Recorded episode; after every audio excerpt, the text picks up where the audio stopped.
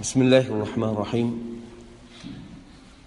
الحمد لله رب العالمين الصلاة والسلام على أشرف الأنبياء والمرسلين نبينا محمد وعلى آله وصحبه أجمعين أما بعد tahoviy aqidasidan bo'lib kelayotgan darsimizda imom tahoviyni o'sha kitoblardan ellik ikkinchi matnga borgan edik bu yerda imom tahoviy rahimaulloh bir necha matnlarda aqida borasida so'z yuritib ya'ni banda nimaiki qiladigan bo'lsa albatta u narsa avvaldan taqdirda yozib qo'yilgan bo'lib bandaga yetgan narsa avval yetishi kerak edi xato qilmas edi va bandaga aslida yetmagan narsa esa u bandaga yetmasligi taqdir qilingan edi deb aytib o'tadi. Haqiqatdan inson agar shu narsani e'tiqod qilmaydigan bo'lsa qadarni mag'zini bilmagan bo'ladi. Qadar oldindan taqdir qilib qo'yilgan narsa bo'ladida insonga agar biron narsa yetadigan bo'lsa bu alloh taoloni huzurida o'sha yetib qo'yish yetishligi yozib qo'yilgan bo'ladi. Ma asobakum min musibatin fil ardi vala fi anfusikum illa fi kitabin min qabli an nabraha inna zalika alallohi yasir. Ya'ni alloh taolo oyat karimada aytadiki sizlarga ya'ni nima narsa yetadigan bo'lsa yerda bo'lsin o'zinglarda bo'lsin. O'zinglarda bo'lsin degan insonga shaxsan yetadigan musibatlar kasallik bo'lsin har xil musibatlar bo'lsin insonga yetadigan yoki yerda bo'ladigan ommatan odamlarni ustiga tushadigan narsalar bo'lsin bu narsalarni hammasi o'sha narsa sodir bo'lishligidan oldin alloh taoloni kitobida bor edi deb aytib o'tadi وما أصابكم من مصيبة في الأرض ولا في أنفسكم إلا في كتاب ya'ni kitobda bo'lgan edi lavhul mahfuzda bo'lgan edi alloh taolo aytadi min qobli an nabraha biz o'sha narsani paydo etishligimizdan oldin kitobda yozilgan edi deb aytadi Bu narsa alloh taologa judayam oson. La ma fatakum. Nima uchun alloh taolo buni bizlarga bayon qildi? Qo'limizdan boy berib qo'ygan narsaga judayam o'kinib ketmasligimiz uchun. Biron narsaga inson erisholmay qoladigan bo'lsa o'zini joy koyib yubormasligi uchun tamom yetolmay qolgan narsang o'zi aslida yetolmas eding. Alloh taolo senga u narsani taqdir etmagan edi. Demak inson bu bilan o'zini sal yengilroq oladi. Va alloh taolo tomonidan sizlarga beriladigan narsa bilan o'zinglardan ketib qolmasliginglar uchun. Ba'zan inson erishgan narsasi bilan o'zidan ketib qoladi. Yo alloh taolo aldan avvaldan senga o'sha narsani taqdir etgandi bu narsa avvaldan bor edi sen uchun.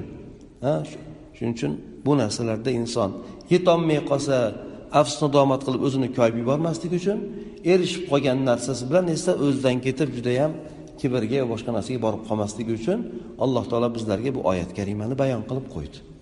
Demak hamma narsa alloh taoloni lahul mahfuz kitobida bo'lgan ekan. Imom tahoviy rahmaulloh undan keyin ellik uchinchi matnda aytadilarki على العبد أن يعلم أن الله قد سبق علمه في كل كائن من خلقه فقدر ذلك تقديرا محكما مبرما ليس فيه ناقض ولا معقب ولا مزيل ولا مغير ولا ناقض ناقض ناقص ولا زائد من خلقه في سماواته وأرضه ديدا. buni mazmuni shuki banda shu narsani yaxshi bilish kerakki maxluqotlar tarafidan nima sodir bo'ladigan bo'lsa maxluqotlar ya'ni insonlar bo'lsin boshqa maxluqotlar bo'lsin nima sodir bo'ladigan bo'lsa o'sha narsa alloh taolo avvaldan bilgan. Nima narsa bo'ladigan bo'lsa avvaldan u narsani bilgan va puxta o'zgarmas qilib qo'ygan. Demak biz aytib o'tdik avval darslarimizda ham alloh taoloni ilmi o'zgarmaydigan narsa. Alloh taologa ma'lum bo'lmagan narsani o'zi yo'q. Biron narsa alloh taolo uchun tasodif bir yoki bir yangilik bo'lib qolmaydi. Ana o'shani bu kishi bu yerda qaror qilib aytadiki demak nima bandalar amal qilgan bo'lsa bu narsalar avvaldan taqdir qilib belgilab qo'yilganda mustahkam qilib bu narsani biron narsa alloh taolo yozgan narsasini taqdir lavhul mahfuzda yozgan yozgan narsasini biron narsa buzolmaydi o'zgartirolmaydi uni ketkazolmaydi ya'ni alloh taolo yaratgan narsalarida taqdir etgan narsalarda ham hech qanaqangi kamayishlik ham bo'lmaydi ziyoda bo'lishlik ham bo'lmaydi deb aytib o'tyapti. Demak biz shunday e'tiqod qilishimiz kerak ekanki alloh taolo avvaldan bilgan taqdir etgan nima ikki narsa bo'ladigan bo'lsa demak alloh taoloni bu taqdirini hech bir narsa o'zgartirolmaydi. Hech bir narsa uni kamaytirolmaydi yoki ziyoda bo'lib qolmaydi. Shuning uchun aytib o'tdik alloh taolo qancha insonlarni jannat uchun yaratgan bo'lsa u insonlarni adadida keyinchalik ziyoda bo'lishlik bo'lmaydi kamayishlik ham bo'lmaydi. Shuningdek do'zax uchun alloh taolo kimlarni yaratgan bo'lsa bu sanog'ida unda ham o'zgarish bo'lmaydi.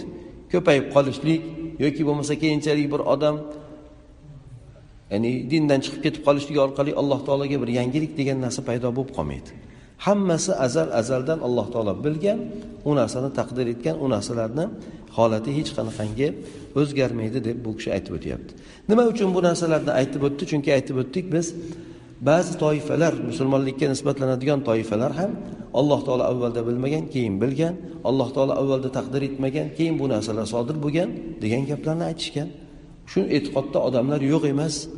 O'shuning uchun bu kishi demak e'tiqodni tozalashlik uchun e'tiqodimizni musaffo holatga keltirishlik uchun bu kishi ba'zi masalalarni qayta qayta aytib o'tyapti. Hozir odamlarni o'rtasida yo'qmi masalan aytaylik. Alloh taolo avvaldan taqdir etmaganu bir toifasi aytadi demak inson o'sha narsani sodir etib qo'ydi. Yoki bo'lmasa buni aksi alloh taolo oldindan taqdir etganu inson bu narsadan chiqolmaydi. Menga shu narsani taqdir etgan bo'lsa nima qilay deydida o'sha harom yoki boshqa bo'lgan narsalarni qilib ketaveradi. Shundan olimlar aytadiki inson taqdirni hujjat qilishligi. Bir odam taqdirni hujjat qilishligi mumkin lekin qachon?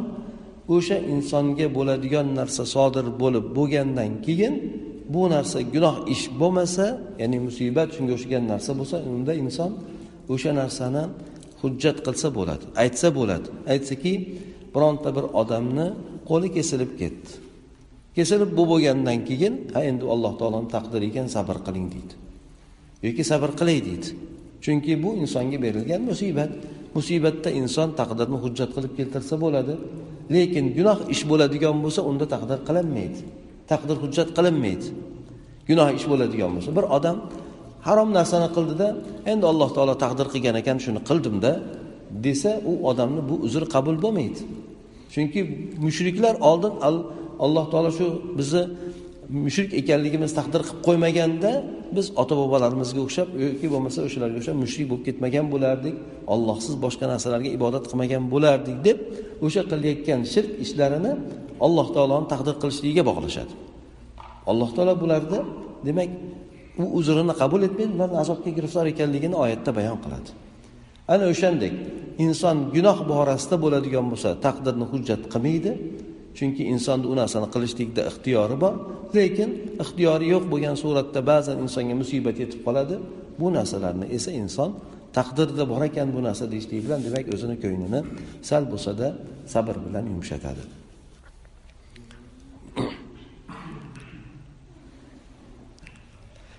Imom tahoviy undan keyin aytib o'tadilarki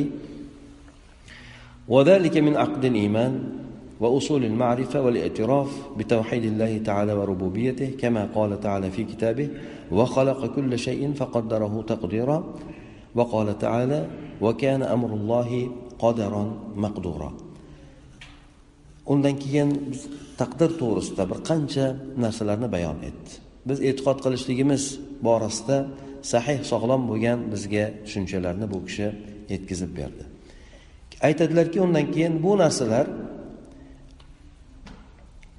taqdir haqidagisi ana shunday e'tiqodda bo'lish iymon arkonlaridan hamda allohni to'g'ri tanish va alloh taoloni rububiyatida yagona zot ekanligini e'tirof etish asoslaridandir deydi. Demak inson taqdirga shuningdek bu kishi aytib o'tgandek e'tiqod qiladigan bo'lsa bu narsa aslida iymonni arkonlaridan iymonni arkonlaridan birisi oltita agar iymon arkoni bo'ladigan bo'lsa bular allohga iymon keltirishlik farishtalariga allohni kitoblariga payg'ambarlariga va oxirat kunigayu oxiri qadarni yaxshi yomoni ollohdan ekanligiga iymon keltirishlik. Demak oltita narsaga inson iymon keltirishligi talab qilinadi. Ulardan birisiga iymon keltirmasligi qolganiga iymon keltirmaslikni taqozo etadi. Shuning uchun bu kishi har bir masalada alloh haqida biz qanday e'tiqod qilishimiz kerak sog'lom holatda? Farishtalar haqida qanday e'tiqod qilishligimiz kerak? Ollohni kitoblari payg'ambarlari borasida qanday e'tiqod qilishimiz kerak? Oxirat kuni shuningdek qadar borasida inson qanday e'tiqod qilish kerak? Nima deb inson tushunishi kerak bu narsalarni? Ana o'sha narsalar inson uchun zarur. Bu narsalar o'sha zarur bu kishi zaruriy bo'lgan ma'lumotlarni aytib o'tdida. Shuni orqasidan aytdiki bu narsa iymonni o'sha arkonlardan bo'ladi. Inson asli bilishligi kerak bo'lgan ma'lumotlar bo'ladi. Hamda bu narsa alloh taoloni rob ekanligiga aloqador bo'lgan narsalardan. Chunki qadar alloh taoloni siri deb aytdik qadar alloh taoloni ilmiga aloqador bo'lgan narsa dedik. Demak alloh taolo oldindan bilgan demak bu bilan esa biz alloh taoloni biladigan zot ekanligini bilamiz. Hamma narsadan xabardor ekanligini bilamiz. O'tmish bo'lsin kelajak bo'lsin hozir kunimiz bo'lsin hammasidan bir xil bo'lgan suratda alloh taolo xabardor ekanligini bilamiz. Ana o'sha narsaga iymon keltirganligimiz oqibatida bu keladigan ma'lumotlarni olamiz. Shundan alloh taolo kitobida aytadiki alloh taolo hamma narsani yaratgan va hamma narsani taqdir qilib belgilab qo'ygan. Yaratgan narsa borki uni avvalgi nuqtasi bor hamda oxirgi nuqtasi bor. Yer bo'lsin avvaldek bo'lmagan yaraldi qiyomatdan oldin butunlay boshqa shaklga kirib ketadi. Insonlar bo'lsin yo'q edi yaraldi yana bir muddatdan keyin vafot etadi yoki vafot etib ketdi. Boshqa maxluqotlar ham xuddi shuningdek alloh taolo hammasiga ajallarini rizqlarini turishlarini hamma narsani belgilab bergan. Bu maxluqotlar kichkina ko'zimizga ko'rinmaydigan maxluqotlar bo'lsin yoki bo'lmasa katta ulkan bo'lgan maxluqotlar bo'lsin. Boshqa oyat karimada alloh taolo aytadiki va kana amrullohi qodaron maqdura. Alloh taolo qilgan hamma ishlar hamma alloh taoloni buyruqlari bu narsalar avvaldan belgilab qo'yilgan taqdir qilib qo'yilgan narsadir deb aytib o'tyapti. Bu narsalarni alloh taolo o'zini ilmi bilan shunday bo'lishligini xohladi. Ana o'shani alloh taolo taqdir qilib bitib qo'ydi. Biz aytib o'tdik taqdir qilingan degani insonni bir narsaga majburlagan degani emas. Shuni biz yaxshi tushunishimiz kerak. Ba'zi insonlar taqdir qilib qo'ygan degani insonni o'sha chiziqdan chiqmaydigan qilib qo'ygan degan tushunchaga keladi. Unday emas. Taqdir qilinganligi alloh taolo azaldan biz nima qilishligimizni bilgan. O'sha qiladigan ishimizni alloh taolo avvaldan yozib qo'ygan. Demak inson shunday tushunadigan bo'lsa taqdirni demak osongina qabul qiladi. Hozirgi qilayotgan ishimizni biz majbur emas balki ixtiyorimiz bilan qilayotganligimizni tushunamiz. U kishi yana davom ettirib aytadiki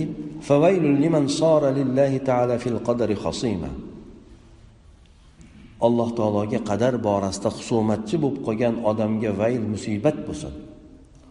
Alloh taoloni qadariga e'tiroz bildiruvchi alloh taoloni bu qadariniga taslim bo'lib bo'lmaydigan e'tirozlarni bildiradigan odamlarga bu yerda musibat bo'lsin deyapti. Chunki inson alloh taoloni qiladigan ishlari haqida alloh taolo so'ralmaydi balki insonlar qiladigan ishlar haqida so'raladi deb oyatda o'tdi.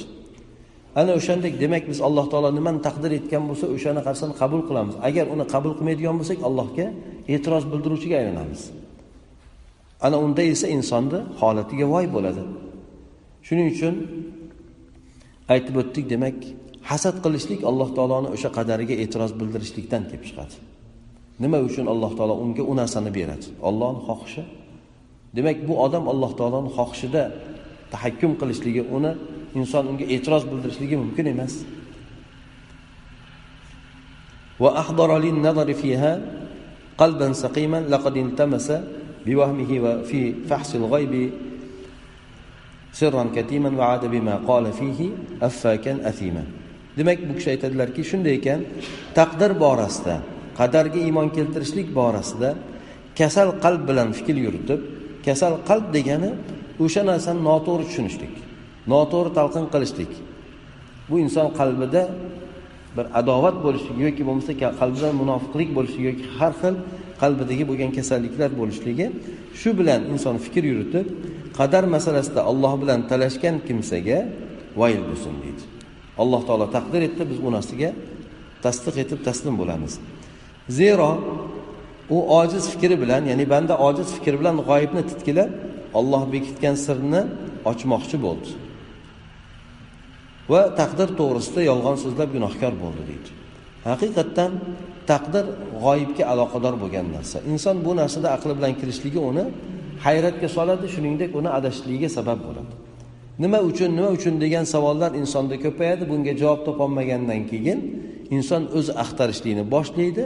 Axtargan desa hech qanaqangi bir na oyat na bir hadisga suyanmagan holatda o'zi yo'q tushunmaydigan nima qilmaydigan tasavvur qilmaydigan narsada aqli bilan kirishlik oqibatida inson adashib ketadi. Bu adashishlik esa ko'pincha kufrga yoki bo'lmasa dindan chiqishlikka ham olib borib qo'yadi. Bu kishi shu jihatdan aytyaptiki inson demak qadar masalasida alloh taolo nima narsani taqdir etgan bo'lsa inson o'sha narsani bilishligi o'shanga e'tiqod qilishligi bu narsa insonni qalbini xotirjam qiladigan narsa. Inson qadariga e'tiqod qilishligi oqibatida shijoat paydo bo'ladi. Chunki biladi o'lim insonlarni qo'lida emas alloh taoloni qo'lida. O'lim unga taqdir qilingan insonlar u narsani o'zgartirolmaydi. Insonda shijoat degan narsa paydo bo'ladi. Inson rizqidan qo'rqmaydi chunki rizq insonga taqdir qilingan narsa. O'sha belgilangan narsa albatta insonga keladi. Bu narsa insondan kamaymaydi. Demak inson rizqiga xotirjam bo'ladi. Ana o'shandek insonda shijoatni paydo qilishligi yoki bo'lmasa katta katta ishlarga inson jur'at qilishligi bu narsa o'sha iymon qadarga iymon keltirganligidan ham insonga kelib chiqadi.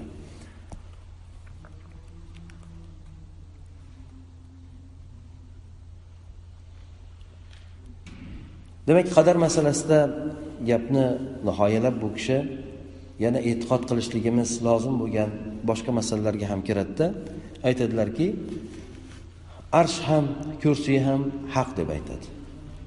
Arsh nima? Alloh taoloni arshi bor deymiz. Arshni bundek taxtiravon deb tushunsak ham bo'ladi.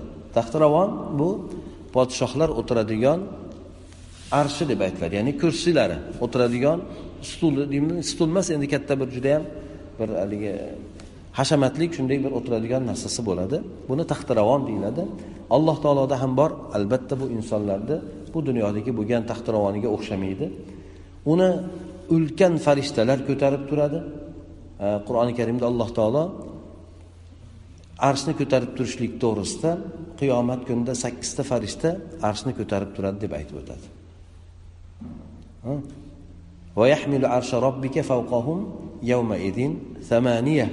Ya'ni alloh taoloni arshini o'sha kunda ya'ni qiyomat kunida sakkizta farishta ko'tarib turishligi aytib o'tiladi.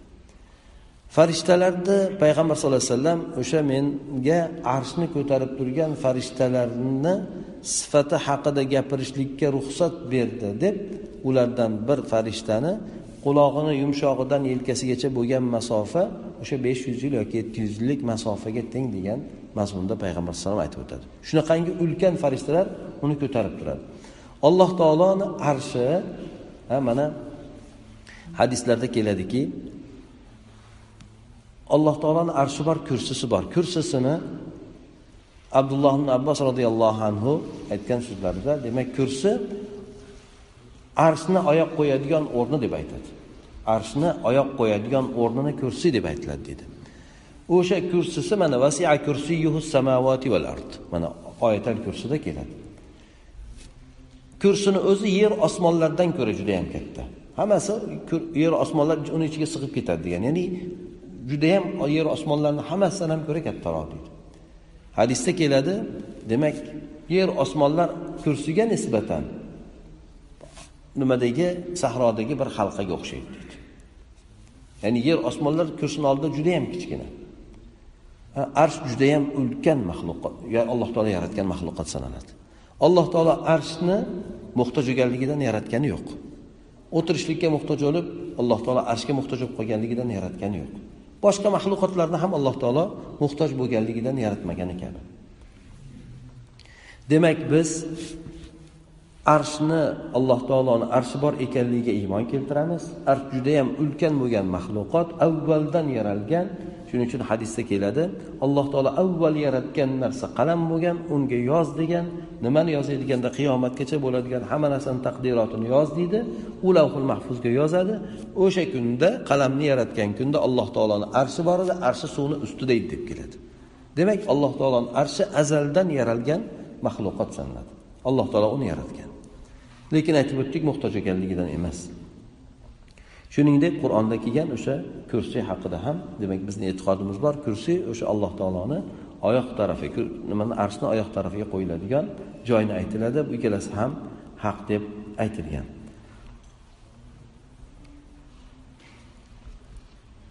Imom molikdan so'ralgan paytida alloh taolo mana qur'oni karimda alal arsh degan oyat keladi. Alloh taolo arshni ustiga ko'tarildi degan. Bir odam so'raydida endi qanaqa qilib ko'tarilgan arsh ustiga qanday arsh ustiga ko'tarilgan deb so'ragan paytda imom molik aytadilarki alloh taoloni ko'tarilishligi ma'lum arab tilida ko'tarildi degani yuqoriladi degan ma'noda bo'ladi. Qandayligi esa noma'lum. Ya'ni alloh taolo bizni bizga sifatlarini qanday ado etishligini ishlarni qanday bajarishligini alloh taolo bizlarga bayon qilmadi. Shuning uchun alloh taolo arshni ustiga ko'tarildi degan ma'noda aytiladi. Demak qanday alloh taoloni sifatlariga nisbatan qanday degan narsada inson to'xtaladi. Chunki alloh taolo bizga qiladigan ishlarini ham sifatlarini ham qanday ekanligini bayon qilmadi. Inson u narsaga kirishlik aql bilan kirishligi insonni adashishlikka olib borib qo'yadi.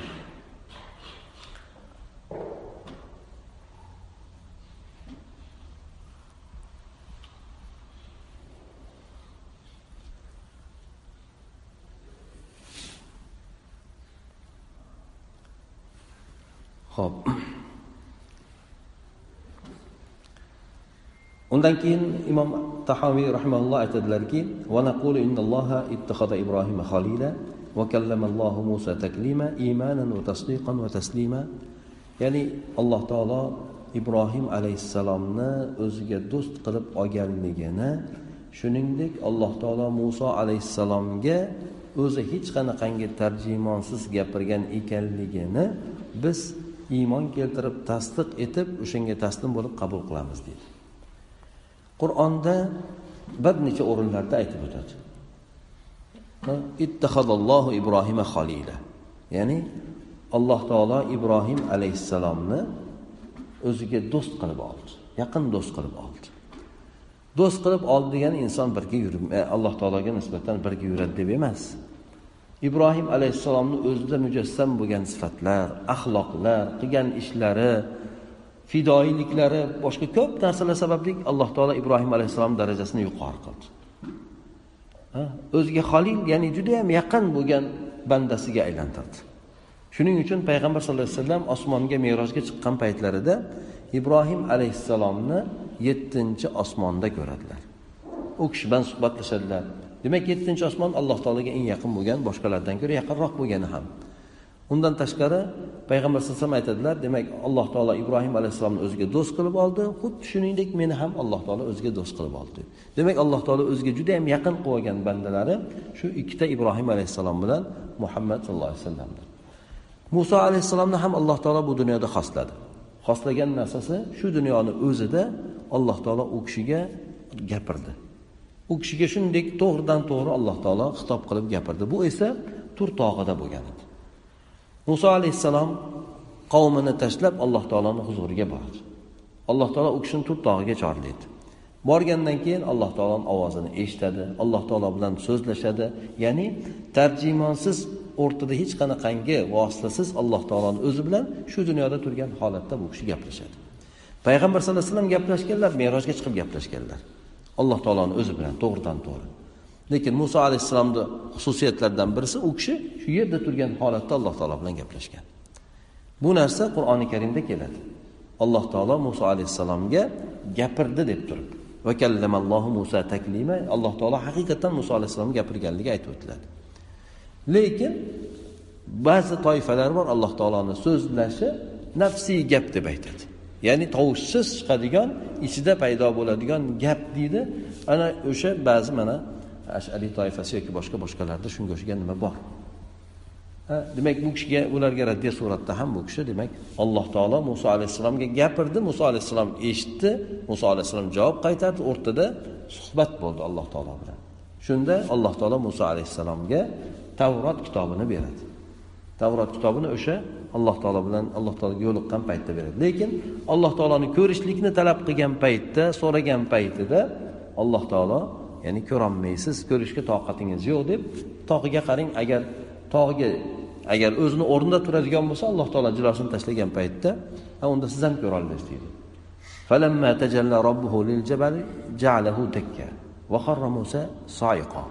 Ya'ni alloh taolo o'zini tog'ga bir jilosini tashlaganida shunda tog' ko'tarolmasdan parcha parcha bo'lib ketdi. Muso alayhissalom hushdan ketgan holatda yiqildi deydi demak alloh taolo shuni mana quvvatni yoki imkoniyatni insonga bu dunyoda bermagan. Gaplashlikni mana muso alayhissalomga bergan ekan gapini alloh taolo tushunib suhbatlashdi to'xtadi ho'p insonlar demak u qiyomat kunida jannatda alloh taoloni ko'rishligi to'g'risida aytib o'tdik. Alloh taoloni o'zi bilan suhbatlashiladi ham yana alloh taoloni o'zini ko'riladi ham. Jannatda bo'ladi bu narsa. Unda alloh taolo insonlarga imkoniyatni beradi ko'rishlik.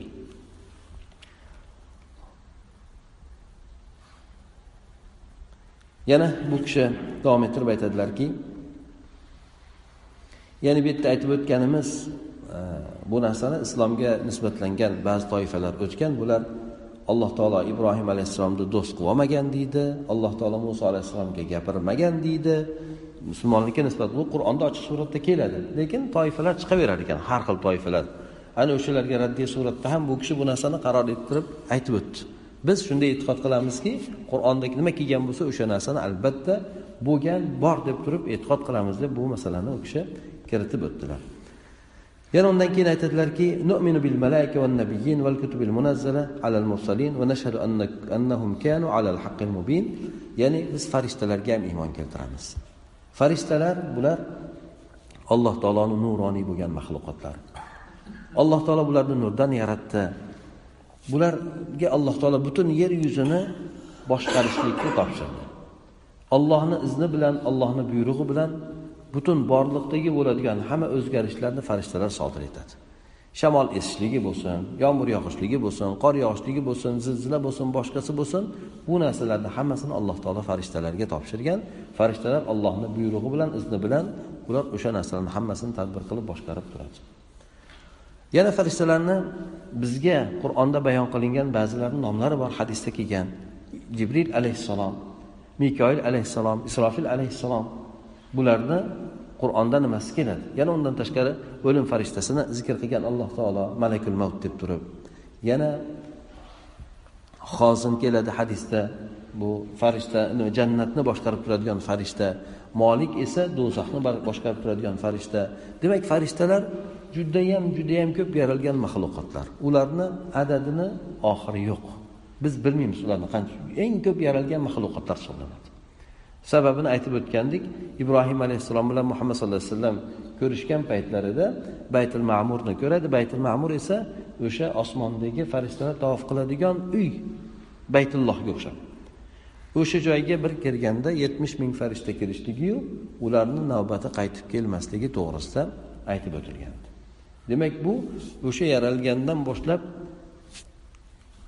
qiyomatgacha demak ular navbat kelmaydigan bo'lsa har doim shunchadan kiradigan bo'lsa juda yam katta adad bo'ladi bu narsa. Farishtalarni alloh taolo birdaniga yaratgan. Ular nasllanmaydi. Zurriyot ularda paydo bo'lmaydi. Erkak ayollik bilan ular sifatlanmaydi. Ovqat yemaydi taom ichmaydi ular ana o'shandek demak alloh taolo ularni shunday yaratgan. Bularni biz o'zimizga mo'minlarga bo'lgan aloqasi to'g'risida ham ba'zi suhbatlarimizda aytib o'tdik. Bular mo'minlarga beminnat yordamchi bizni mo'minlarni haqlariga alloh taolodan istig'for aytib alloh taoloni tavba qilib turadi. Shularni gunohini kechirgin deb turib. Ba'zilar farishtalarni boshqacha tushuncha bilan aytishadi. Insondagi bu ilhom yaralgan bir maxluqot emas. Alohida mustaqil bir e, nimaga jismga ega bo'lgan maxluqotlar emas deb ba'zilar aytishadi. Musulmonlikka nisbatlanganlardan ham. Demak ularga raddiya suratda yo'q. Farishtalar nuroniy bo'lgan maxluqotlar ularni jismi bor ularni aqli bor lekin ular alloh taoloni buyrug'idan zarracha tashqariga chiqmaydi. Har qanaqangi buyruq bo'ladigan bo'lsa alloh taoloni buyrug'ini hech qanaqangi malollanmasdan ado etishadi. Shuning uchun do'zaxga qo'yilgan farishtalar do'zaxdagilarni ahvoyiga ham boshqasiga ham qaramaydi. Alloh taoloni buyrug'ini bajaradi. U yerdagi bo'lgan azoblar inson judayam dahshatli bir surat tasavvurga sig'maydigan suratda bo'ladi lekin o'sha narsalarni hammasini farishtalar ollohni buyrug'i bilan ado etadi. Shuningdek bizlar payg'ambarlarga ham iymon keltiramiz. Payg'ambarlar odam alayhissalomdan tortib to mana muhammad sallallohu alayhi vasallamgacha bo'lgan payg'ambarlar ba'zi rivoyatlarda bir yuz yigirma to'rt ming payg'ambar kelgan deydi. Rasullar esa ularni adadi ozroq uch yuz o'n beshta atroflarda uch yuz o'n uchta uch yuz o'n beshta atroflarda rasullar kelgan. Rasullarni alohida risolati bo'ladi. Payg'ambarlar esa o'sha rasullarni olib kelgan risolatni odamlarga yetkazishlik bilan shug'ullangan. Ularni hammasi allohni dinini odamlarga yetkazishlikka alloh taoloni dinini odamlarga tadbiq etib uni ko'rsatib berishlikka xizmat qilishgan. Hammalari istisnosiz alloh taolo ularga yuklagan vazifalarni to'liq suratda ado etganlar. Payg'ambar sallallohu alayhi vasallam payg'ambarlarni hammasiga qiyomat kunida ular o'sha vazifalarni to'liq suratda ado etganligiga guvohlik beradilar biz esa o'sha yana payg'ambar sallallohu alayhi vasallam haqiqatdan biz ummatimizga ham hamma narsani yetkazganligiga musulmonlar guvohlik berishadi. Alloh taolo kitoblarni nozil qilgan. Mana bizga zikr qilingan kitoblar borki bizga zikr qilingan kitoblar bor. Bu narsa tavrot bor injil bor zabur bor hamda ibrohim alayhissalomni sahifalariyu qur'on haqida qur'oni karimda ma'lumotlar ketadi. Qur'on ma'lum bizda mana kitobi bilan o'zi holatida bor. Shuningdek alloh taolo tavrot injil zabur haqida gapirib o'tadi. Bulardan boshqa ham kitoblar nozil qilgan alloh taolo. Lekin u kitoblarni o'zi ham amal qilishlik amal qiladigan xalqlar ham yo'q bo'lib ketgan. Sababi u kitoblar muayyan bir zamonga muayyan bir qavmlarga o'ziga yarasha bo'lib nozil bo'lgan ularni yo'qolishi bilan kitoblari yo'q bo'lib ketgan. Qiyomatgacha esa alloh taolo qur'oni karimni qoldirdi. Lekin tavrot injil zaburlarni zikr qilinishligi qur'onda u kitoblar odamlarni qo'lida ya'ni amalda qolgan edi o'shanga odamlar amal qilishardi o'sha narsani o'qishardi. Shuning uchun qur'oni karim asosan o'sha odamlarni qo'lida bor bo'lgan kitoblarga ishora qilib o'tadi. O'sha kitoblardagi ba'zi narsalarni aytib o'tadi. Shu bilan birgalikda alloh taolo u kitoblarni o'zgartirib ketilganligi odamlar o'zlari tomonidan har xil narsalarni qo'shib yuborib alloh taoloni kalomi e-, deb turib aytganliklarini alloh taolo qur'oni karimda aytib o'tadi. Bu bilan esa musulmonlarni bu narsadan qattiq ogohlantirgan alloh taolo bu qur'onini o'zi saqlab qoldi. Demak uni bironta harfi ham o'zgartirilmagan holatda demak bizga yetib keldi. Qiyomatgacha o'sha kitob qoladi. Kitoblar esa alloh taoloni o'sha insonlar hayoti dunyoda qanday yashab o'tishligi to'g'risida dasturlarga ega. Hamda ma'lumotlarga ega. O'tmish haqida kelajak haqida. Qiyomat undagi bo'ladigan voqealar jannat do'zaxlar inson qayta tirilishligi u yerda hisob kitob berishligi shunaqa ma'lumotlarni o'z ichiga olgan kitobdir. Payg'ambarlarni hammasi aytamiz biz ya'ni ochiq haqda bo'lgan bironta payg'ambardan ya'ni haqdan chiqishlik yoki og'ib ketishlik degan narsa sodir bo'lmagan. Istisnosiz hamma payg'ambarlar alloh taoloni buyurgan narsalarni to'liq suratda ado etishgan. Ularni orasida lekin tilkal rusuli faddolna ba'dhum ala ba'd. Payg'ambarlar bularni alloh taolo birini biridan afzal qilib qo'ygan. Ularni orasida beshta eng afzal bo'lgan payg'ambarlar bor. Bularni ulul azm payg'ambarlar deb aytiladi. Ya'ni qat'iyat egalari. Bular juda ham qat'iyatlik sabr matonatlik bo'lgan.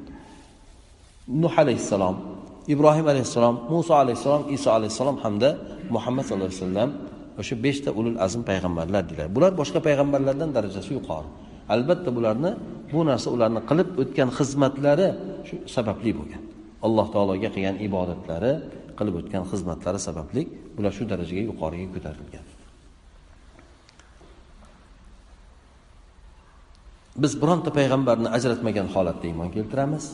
Qur'onda zikr qilinganlarga nomma nom iymon keltiramiz. Zikr qilinmaganlarga umumiy suratda payg'ambarligini eshitgan bo'lsak payg'ambarligini aytib nomi bilan eshitmagan bo'lsak umumiy suratda payg'ambarligida aytib iymon keltiramiz. Lekin bizga qur'onda hadisda zikr qilinmagan payg'ambar bo'lsa uni payg'ambar deb qabul qilib ololmaymiz.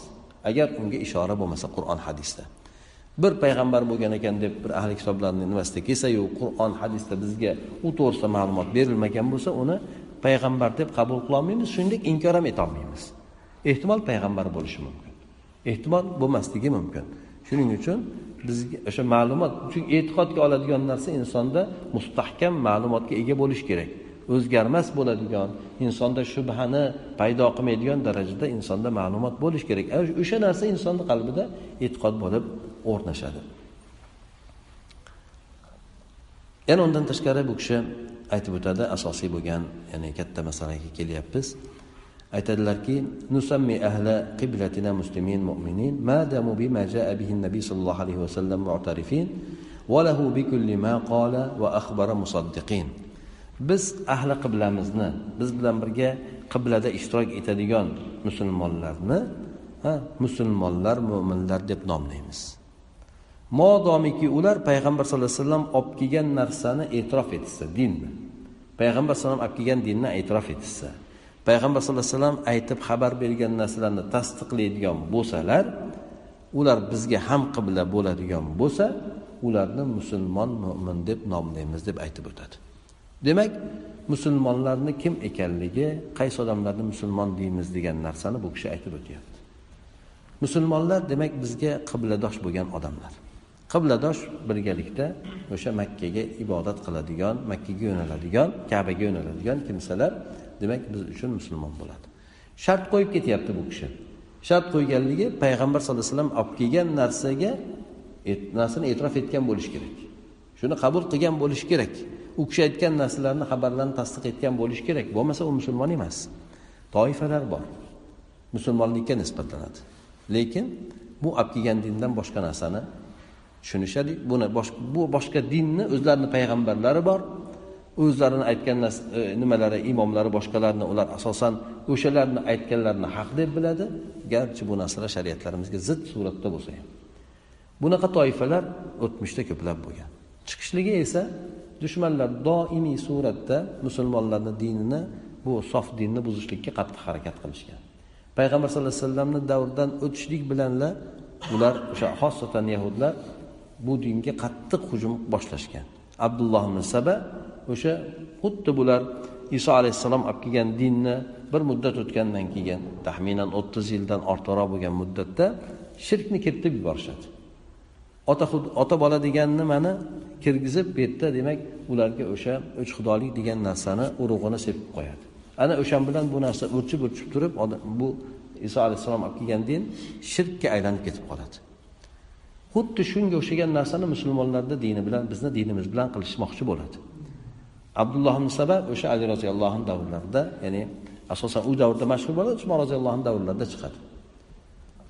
Bu o'sha o'ttiz yillardan keyin bo'ladi payg'ambar alayhisalomdan vafot nima payg'ambar bo'lganlaridan keyin vafotidan keyin yigirma yildan keyin bo'ladi. Bu o'sha musulmonlar dinini ali xudo degan narsalargacha chiqadi. Ali xudo bo'lgan. Aliga o'zi aslida jibril ali alayhissalom aliga kelishi kerak edi. Ya'ni nimada adashgan shunaqa gaplarni keltirib chiqaradi. Oxiri alini payg'ambar bo'lishi kerak deb turib alini oxirida xudo bo'lishi kerak degan gaplarni chiqaradi. Ali roziyallohu anhuni o'zini davrlarida u kishi bu narsaga juda qattiq turadi. Hattoki o'sha gapni aytadigan odamlarni yoqib yuboradi. Abdulloh ibn saba esa qutulib qoladi qochib qutulib qoladi. Ya'ni dinga harakat bo'lgan. Ana o'shandan keyin toifalar kelib chiqishligi shiyalik kelib chiqishligi bo'lgan. Undan tashqari yana e, botiniy toifalari kelib chiqqan bir muddatdan keyin botiniy toifalari o'sha shiyalarni bir judayam bir rasvo bo'lgan suratida chiqqan. Bular esa musulmonlikka nisbatlanadi. Biz o'qiyotgan namoz ularni ba'zilari uchun namoz emas shunchaki bir ma'lumot sifatida sir sifatida yoki bo'lmasa biz aytadigan zakotimiz biz beradigan zakotimiz unaqa zakot amal emas. Ular boshqa narsa tushunadi. Xullas kalom o'sha o'zlarini imomlariga judayam g'uluv ketib qolishgan. Payg'ambarni olib kelgan risolat boshqa narsalar bir chetda qolganda hattoki ba'zi o'sha durziy yoki botiniy bo'lgan toifalar o'zlarini katta imomlarni xudo darajasigacha olib chiqishgan. Bulardan hozir qoldiqlari bor. Durziylar o'sha jo'lon tepaliklarga yaqinda ya'ni e, falastin bilan nimani ya'ni hozirgi isroilda nimasida hukmronligi ostida turgan jo'lon tepaligi deydi libandagi nimasida. O'sha joylarda dursiylar bo'lgan. Buni e, hozirgi paytda nusayriylar bor. Nusayriylar ham o'sha e, suriyadagi boshqaruv asadni nimasi bo'lgan e, dini deymizmi o'shani e'tiqodlari shu nusayriy suratda bo'lgan. Yana um, islom ummatida esa fotimiylik e, nimasi bilan chiqqan e, toifalar bo'lgan. Olimlar esa ularni murtad ya'ni musulmon emas aslida kofir deb turib hukm qilishgan. Chunki ulardagi e'tiqodlari ularni amallari boshqa narsalari nomi musulmonlikni davo qilgan taqdirda ham bizni nimamizga butunlay ziddir. Hozirgi paytda mana qodiyoniylar ham bor. Bular aytib o'tdim u kuni suhbatimizda demak qodiyoniylarni ham musulmon deb sanalmaydi. Chunki ular muhammad sallallohu alayhi vasallamni oxirgi payg'ambar deb e'tirof etishmaydi. O'zlarini boshlig'i bo'lgan mirzo ahmad qodiyoniyni o'shani payg'ambar bo'lgan deb e'tiqod qilishadi. Demak payg'ambar sallallohu alayhi vasallam aytgan narsani tasdiq etmagan bular xabar bergan tasdiq etmagan. Xabar berganligi u kishi xotimin nabiyin u kishidan keyin payg'ambar bo'lmaydi. Bu narsa biz e'tiqod qilamiz. Payg'ambar alayhisalom bu narsani xabarini bergan. U kishi olib kelgan mana qur'onda ham ayni shu narsa aytilgan. Demak ular qur'onni tasdiq etadi lekin qur'onni tafsir qilib unga amal qilamiz deyishadi. Ha payg'ambar sallallohu alayhi vasallamni ham payg'ambar bo'lgan lekin u kishidan keyin ham payg'ambar bo'lishi mumkin degan narsalarni kiritib o'zlarini boshliqlarini payg'ambar deyishgan. Bular demak bularni musulmon qibladosh garchi biz ular namoz o'qisa ham qiblamizga qarab birga tursa ham demak ular musulmon deb aytolmaymiz. Chunki payg'ambar sallallohu alayhi vasallam olib kelgan dinni ular to'liq suratda qabul etmagan uni tasdiq etmagan. Ha shu tomondan demak ular mo'min musulmon hisoblanmaydi. Lekin boshqa toifalar masalan mo'tazila toifasi bo'lsin boshqa murjiya toifasi boshqa boshqalar bo'lsin albatta ular ha payg'ambar sallallohu alayhi vasallamni olib kelgan narsani umumiy suratda tasdiq etadi.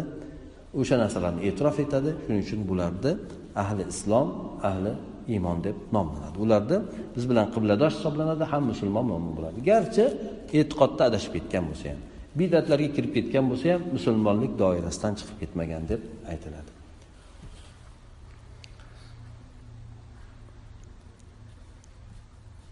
Hop inson demak e, xosatan takfir masalasiga juda yam jiddiyroq qarash kerak musulmon bo'lgan odamni bir narsalar sababli kofirga chiqarib yuborishga shoshilmaslik kerak. Xosatan bu narsa hammani qo'liga berilgan emas. Ha bu narsa mustahkam bo'lgan ahli ilmlarni qo'llariga berilgan. Ular bu narsani butunlay mas'uliyat bilan aytadi. Mana qancha qancha olimlar o'tgan bo'lsa hattoki payg'ambar sollallohu alayhi vasallam havorijlar haqida kamondan o'q qanday chiqib ketadigan bo'lsa dindan bular shuningdek chiqib ketadi deb aytgan hadislari bor. Lekin o'sha hadis kelgan taqdirda ham musulmonlar bu havorijlarni murtad deb aytmaydi. Murtad deganlar bo'lgan. Ba'zi bir toifa olimlar murtad degan lekin aksar jumhur bo'lgan olimlar ularni murtad deb aytmagan.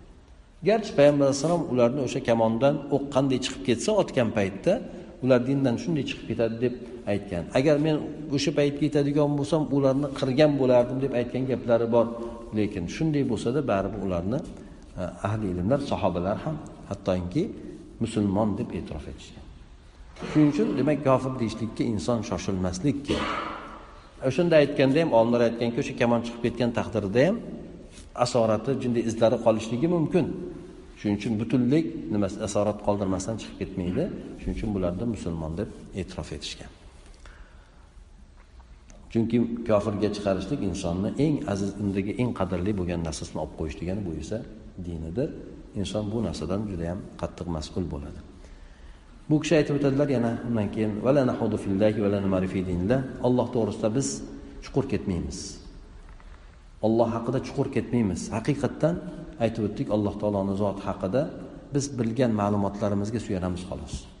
O'zimiz u narsalar boshqa narsalarni qo'shib chatib turib olloh borasida chuqur ketmaymiz. Alloh taolo o'zi xabar bergan narsalarda alloh haqida shu narsani tasdiq etamiz. Ollohni dinida talashib tortishmaymiz. Haq turgan bo'lsada ha demak talashib tortishmaymiz ollohni dinida. Biz alloh taoloni dinini tasdiq etamiz qabul etamiz. Payg'ambar alayhi nimani haq qilib yuborgan bo'lsa u narsada biz shubhaga bormaymiz. Odamlar bilan u narsada talashib tortishmaymiz. Haqmi? Haq deb qabul qilamiz. Ba'zilar bo'lgan haq bo'lsa ham u narsani ustida tortishlik undan qaytarilganmiz. Endi ko'pincha musulmonlarni o'rtasida bo'ladigan tortishuvlar esa ishtihodiy masalalarda bo'ladi. Birov musulmon ikkita musulmon odam aroqni haromligida talashib tortishmaydi. Chunki bu ittifoq bo'lgan narsa ijmosi bo'lgan narsa. Qur'on hadislar bilan bu narsa tasdiqini topgan ma'lumot xabar. Bu narsada musulmonlar ixtilof qilmaydi talash tortishmaydi. Lekin ishtihodiy bo'ladigan masalalar bo'ladigan bo'lsa u narsa biroz kengroq bo'ladi. Kim o'shanga loyiq odam bo'ladigan bo'lsa uni o'sha narsadagi demak munozarasi qabul qilinadi lekin talashib tortish deganda inson haqni qabul qilishlik maqsadi yo'q faqatgina talash quruq talash tortishadi. Bu narsadan qaytariladi. Chunki u samara bermaydi natija bermaydi. Lekin agar inson haqiqatdan haqqa erishishlik yo'lida munozara qiladigan bo'lsa dalil hujjatlar bilan bu narsani islomda qo'llab quvvatlanadi bu narsaga chaqiriladi.